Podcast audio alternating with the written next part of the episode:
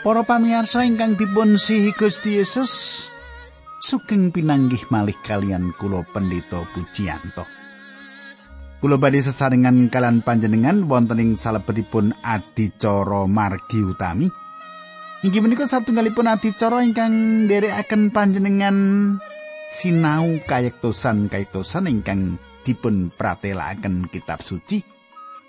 Panjenengan dipun nderekaken maos urutan pangandikanipun Gusti kula nyukani keterangan-keterangan ingkang saged nyataken lan nambahi wawasan karohanen panjenengan. Kula nyuwun panjenengan wonten ing wanci menika wonten kahanan ingkang bingah lan tansah binerkahan dening Gusti. Monggo nyaket kalian kula mriki sugeng midhangetaken adicara menika.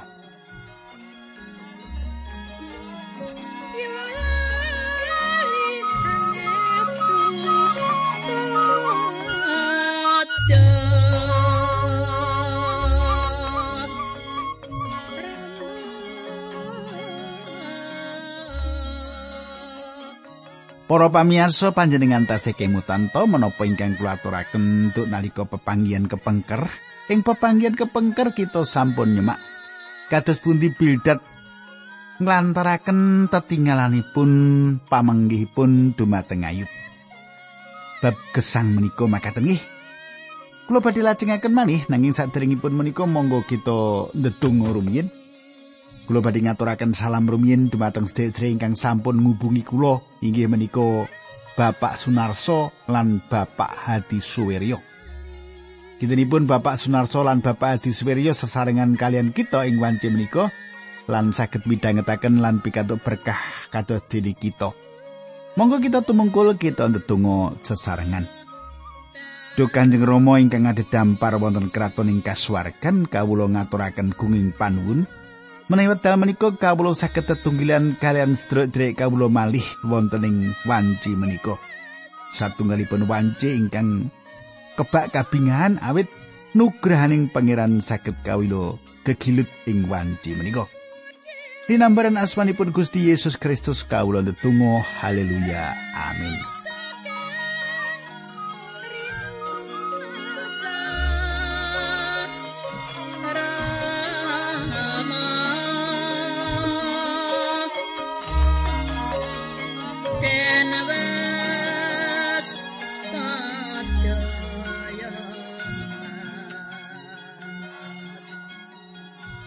Para pamirsa samenika pasinaon kita lumebet ing kitab Ayub bab 9.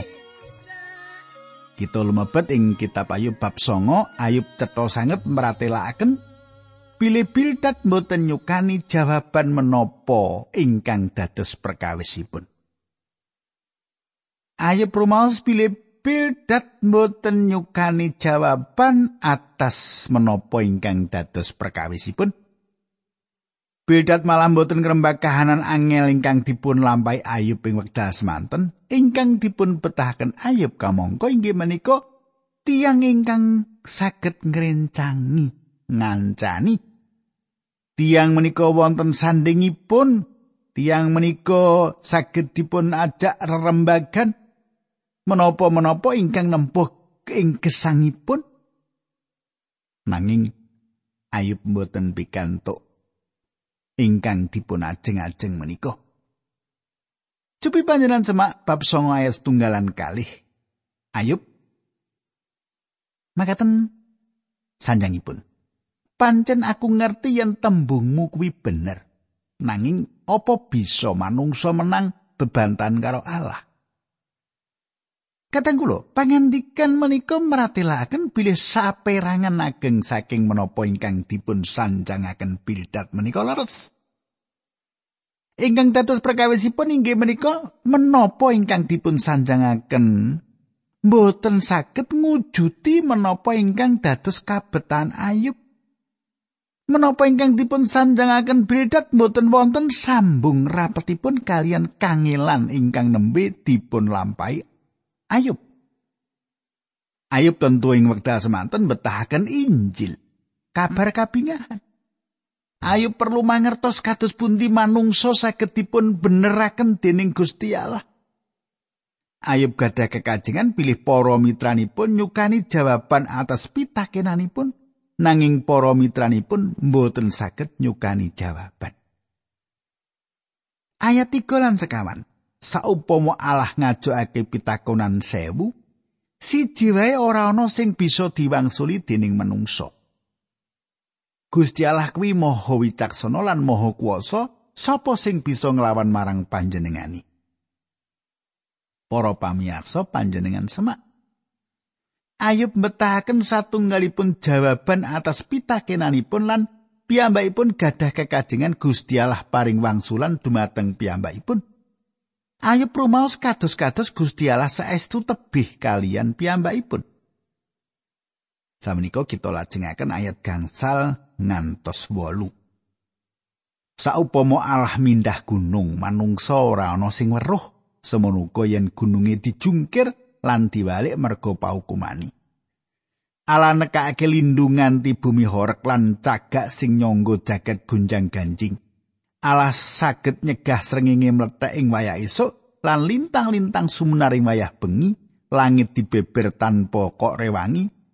Gegere naga segara diidak-idak. Kadang kula Ingkang salajengipun menika gambaran Gusti Allah minangka jejere pancipta. Priyantun ingkang nyipta jagat raya. Ayub tepang panjenenganipun menika ingkang nyipta nanging boten mangertos menapa-menapa gegayutan sih kadarmanipun ingkang alus sing budi ing wedas manten. Ayat 19 dosa panjenengane masang lintang-lintang ing sisih kidul lintang naas kubra, lintang lukulan lintang buluh. Pakaryane ora kena kita jajaki, cacahe mujizate ora kena kita hitung. Kadang kula, kita saged ningali pilih Ayub mangertos kegayutan lintang-lintang. Nanging piyambakipun boten budidaya kangge sanjang bilih piyambakipun wonten ing salebetipun apes awit piyambakipun dipun lairaken ing bintang tertamtu. Mboten lepat malih perkawis menika salah satunggal watak bodho ingkang dipun sanjangaken manungsa. Ayub mangertos bilih lintang-lintang menika mboten wonten gegayutanipun kalian kahanan ingkang dipun lampahi. Piyambakipun tepang Gusti minangka Sang Pencipta lintang-lintang menika. Ayat 11. Panjenengane langkung ing ngarepku nanging aku ora weruh. Panjenengane sandingku nanging aku ora krasa. Kateng kula panjenengan semak. Ayub tepang Gusti minangka ingkang nyipta jagat raya Ayub ugi mangertos bilih Gusti Allah roh lan Ayub mboten saged ningali panjenenganipun babar pindah. Ayat 13 lan 11. Allah ora nahan paukuman lan geraing penggaliye, malah pembantune Rahab padha tunduk marang panjenengani.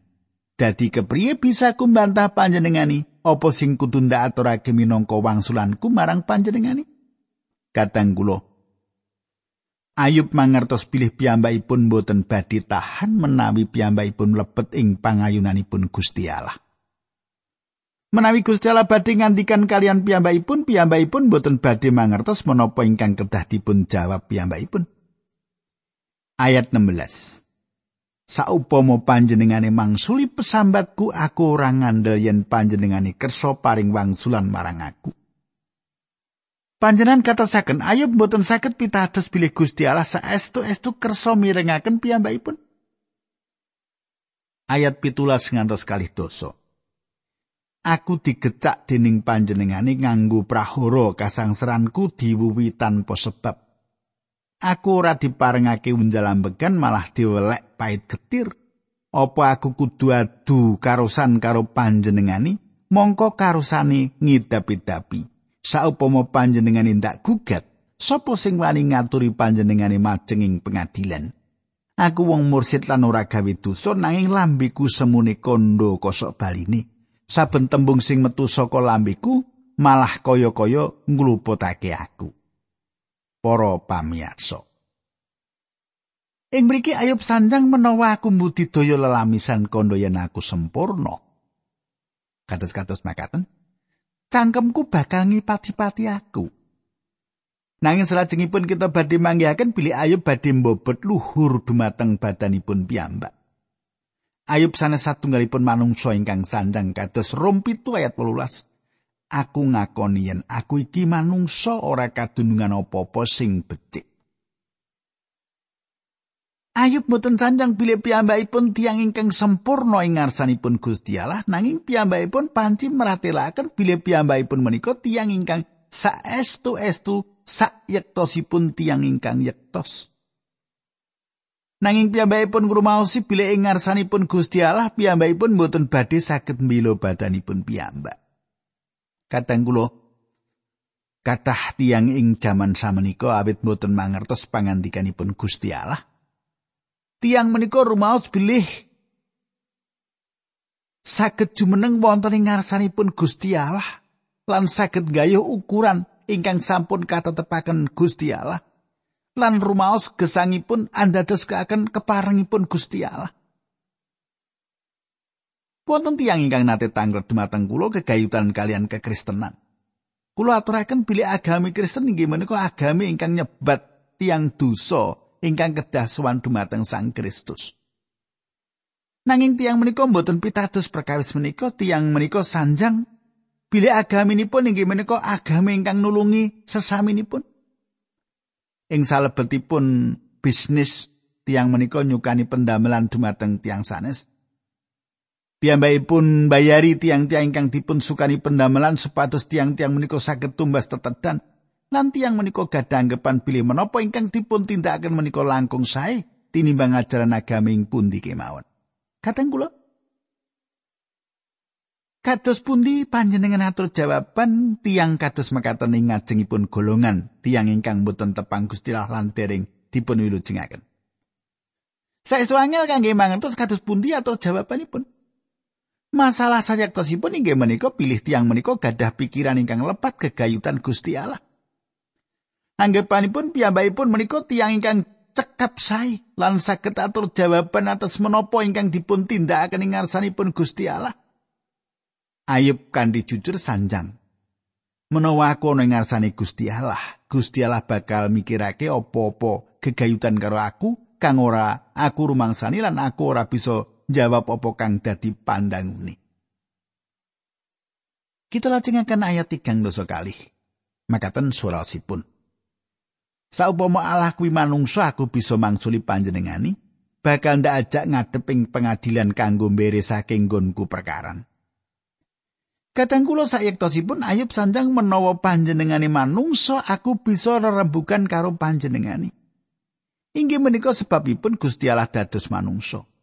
Kanthi makaten manungsa saged terembagan kalian panjenenganipun lan lumampah kalian panjenenganipun lan ngrumalsi bilih piyambakipun boten saged nggayuh ukuran ingkang sampun dipun tetepaken Gusti Allah. Satunggal-tunggalipun manungsa ingkang saged nggayuh ukuraning gusang ingkang sampun katetepaken Gusti Allah inggih menika Gusti Yesus Kristus. Menika adamelan sawetawis saking naskah drama lan karya sastra dados satunggal ipat-ipat. Naskah menika nepangaken Gusti Yesus mboten namung minangka manungsa limrah. Nanging ugi minangka manungsa ingkang kebak dosa. Liberalisme sampun meratelaken perkawis menika mataun-taun. Nanging tiang-tiang liberal menika mboten saged manggihaken ing salebetipun pangandikanipun Gusti Allah bilih wonten dosa ingkang dipun tindakaken Gusti Yesus Kristus. Tiang-tiang liberal menika manggihaken dosa ing salebeting manahipun ingkang najis awet Gusti Yesus mboten dosa. Awit Gusti Yesus menika manungsa mila kula saged sowan dumateng panjenenganipun. Panjenenganipun sampun seto kangge kula ing kajeng salib. Lan panjenenganipun ngetingalaken lumantar gesangipun bilih kula mboten saged nggayuh ukuran gesang ingkang sampun dipun tetepaken Gusti Allah kanthi makaten kula mbetahaken tiang ingkang saged dados juru wilujeng. Lumantar sedanipun panjenenganipun saged milujengaken kula inggih menika ingkang dados pepinginanipun ayu Samenika kula lajengaken ayat 3 dosa 3 nanging ora ana hakim sing bisa ngadili perkaranku karo Allah. Kadang kula pisambat ayub inggih menika bilih mboten wonten hakim antawisipun piyambakipun kalian Gusti Allah. Ing salebetipun perjanjian inggal Paulus nyerat dumateng juru khotbah nem-neman. Setunggal Timotius kali ayat gangsal. Awit Gusti Allah kuwi siji lan iya siji sing ngrukunake Gusti Allah karo manungsa, yaiku Kristus Yesus. Gusti Yesus menika Allah. Panjenenganipun inggih Allah inggih manungsa. Saestu menika satunggalipun kayektosan ingkang mulya lan gumunaken kados pundi ayub kangen dumateng panjenenganipun. Samenika pasinan kita lumebet ing ayub sedasa. Bab songo rampung, samenika bab sedasa. Kula wasaken ayat setunggal. Aku wis bosen urip. Mulane aku arep ngudal pait getiring lelakonku. Para pamirsa, Awit ayub boten gadah pantoro boten wonten tiang ingkang saged ngaturaken perkawisipun ing ngarsanipun Gusti Allah. Ayub namung saged sanjang pahit getiring lelampahanipun. Piyambakipun boten jenjem lan piyambakipun nyanjangaken menapa ingkang wonten ing manahipun, menapa wontenipun. Ayub terus terang lan jujur kegayutan kangilan gesangipun ingkang nyakitaken manahipun lan kahananipun ingkang samenika morat marit. ayat kalih. Mulane aku arep matur dohalah sampun ngantos nglepataken kawula. Paduka mugi kersa nerangaken kenging menapa kawula paduka lawan. Kadang kula Gusti Allah badhe ngetingalaken dumateng Ayub kegayutan kalian sarira panjenenganipun. Satunggalipun perkawis ingkang perlu dipun mangertosi kita sedaya kangge manggihaken badan kita ingkang sayektosipun. ayat 3 Paduka angsa menapa menawi kawula paduka tindes kados mekaten sarta mbucal pakaryaning asta paduka piyambak Paduka angsa menapa menawi ngrojongi gagasan lan rancangane tiang-tiang durjana. Kadang kula hayub mboten saged mangertos kenging menapa piyambakipun kedah nandang kados makaten. Kamangka tiang-tiang ingkang awon mboten katempo ing kasangsaran. Perkawis ingkang sami ugi nempo Daud inggih menika perkawis ingkang nate kula lampahi. Minangka jejeripun abdi Gusti kula kala-kala gadah pitakenan kenging menapa Gusti Allah ngejaraken sawetawis tiang ingkang sanget sae nandang kasangsaran. Kamangka tiang-tiang ingkang boten tepang Gusti Allah ketingalipun malah uwal saking kangilan kangge sawetawis wekdal. Nanging kula gatosaken bilih ing titi mangsanipun mangke Gusti Allah badhe ngurus tiang-tiang menika. Sinaosa kados mekaten ing satunggalipun wekdal kita sedaya gadah pitakenan ingkang kados mekaten menika. Kitab menika nuwuhaken ing batos kita kanthi pitakenan-pitakenan kegayutan kelan gesang menika. Inggih menika kasunyatan gesang. Samenika ayat sekawan. Karso paduka mboten sami kalian kajengipun manungsa. Kadang kula Ayub nangisi kahananipun lan panandang ingkang nyakitaken manah. Piyambakipun gadah pitakenan kenging menapa Gusti Allah saestu-estu ningali kahananipun ingkang sayektosipun. Inggih menika alasan kenging menapa Gusti Allah dados manungsa.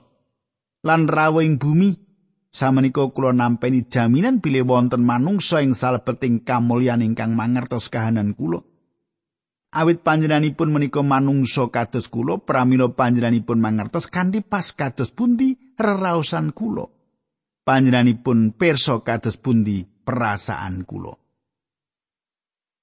ayat gangsa 6 pitu ayub bab sedoso lan yuswa paduka mboten celak kados umuripun manungsa menawi makaten kenging menapa paduka neliti dosa kawula. Kingi menapa kalapatan kawula paduka padosi? Sejatosipun paduka perso lan yakin bilih kawula leres mboten lepat lan mboten wonten tiang setunggal kemawon ingkang saged ngluwari kawula saking asta paduka katang kula Ayub samenika wiwit mbela badanipun piyambak.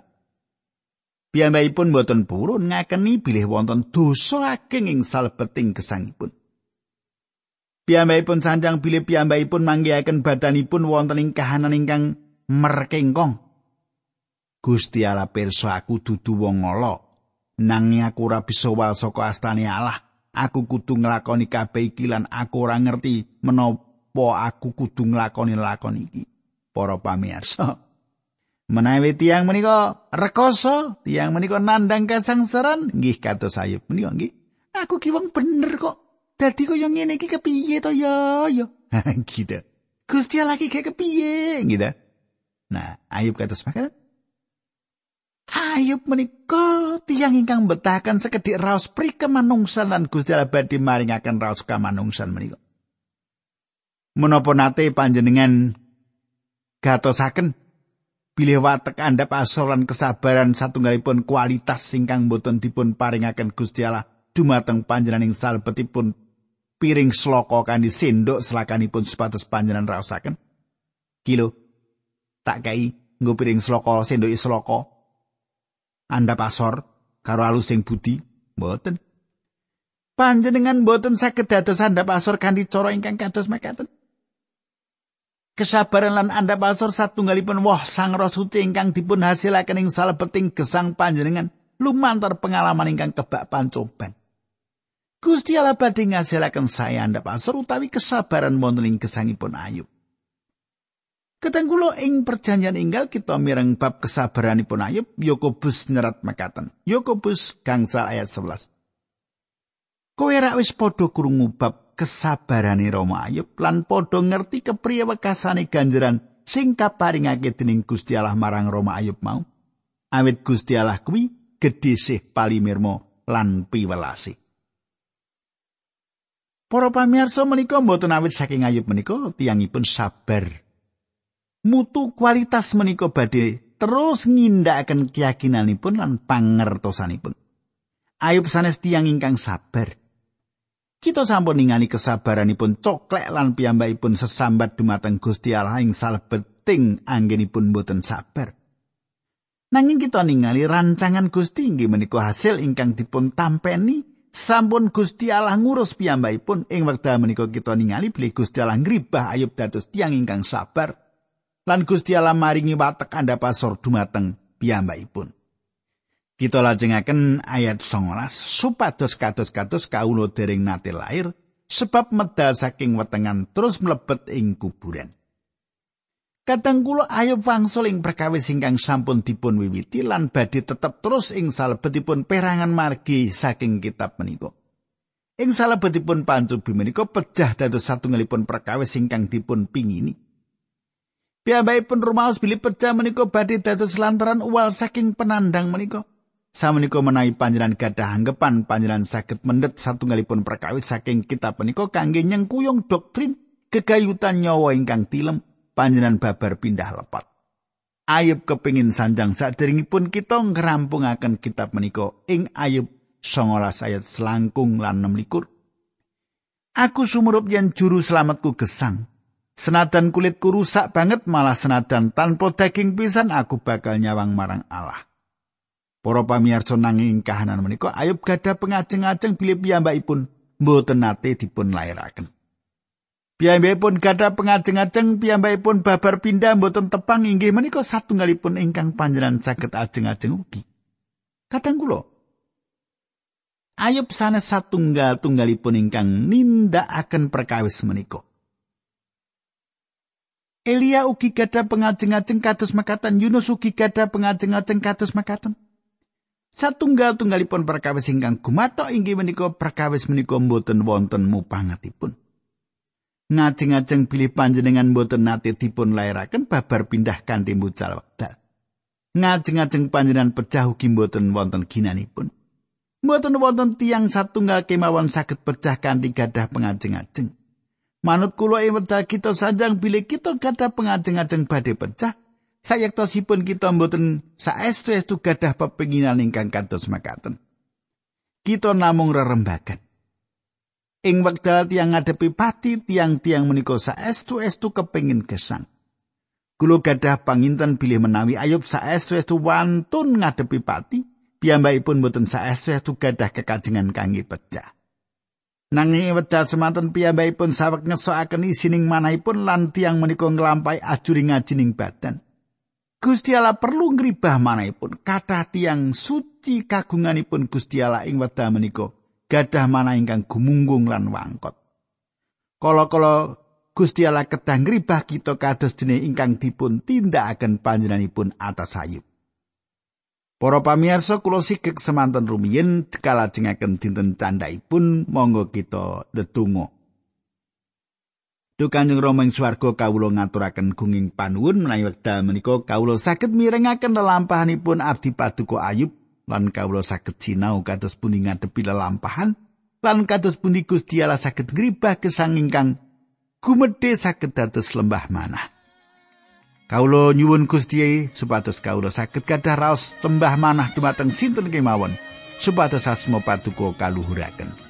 Dinambaran asmanipun Gusti Yesus Kristus kaulo netunggal haleluya. Amin